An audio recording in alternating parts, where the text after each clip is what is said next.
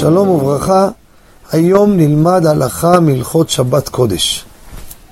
יש אנשים, יש להם מתקן מים, כל מיני חברות, שזה הולך מכל פלסטי גדול, יש בו מים, ושהמים במכל נגמר, נגמרים, הוא מחליף את המכל. והשאלה היא בשבת, האם מותר להחליף את המכל? אז יש פה שתי שאלות.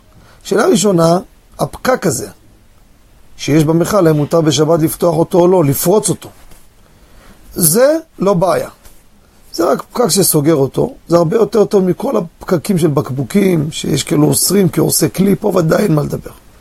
הוא רק פורץ אותו קדימה, מצד זה אין לי בעיה. מצד המים קרים, מה הבעיה? שופך מים לקרים. ישאל השואל, הרי חמים בכל מצב הוא לא מוציא. שאם מוציא מים חמים, ייכנסו מים קרים יתבשלו. אז מה הבעיה? אבל הלכה למעשה רבותיי, לאחר בדיקה מעמיקה, צריך לדעת כשהמכל שופך מים למכל הפנימי של המיניבר, של המתקן מים. בפנים מכל. גם שתוציאו את המתקן העליון, יש לכם עדיין מים שם. נגיד, אני עכשיו כניסת שבת, הוא מלא. לא, הוא תמיד ממלא את עצמו, הכל בסדר. מסכים איתכם, אני לא מוציא מים, נכון.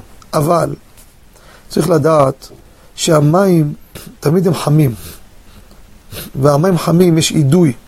חייב שתהיה בריחה של העדים האלו החוצה. וממילא נחסר מהמים, מה שבפנים.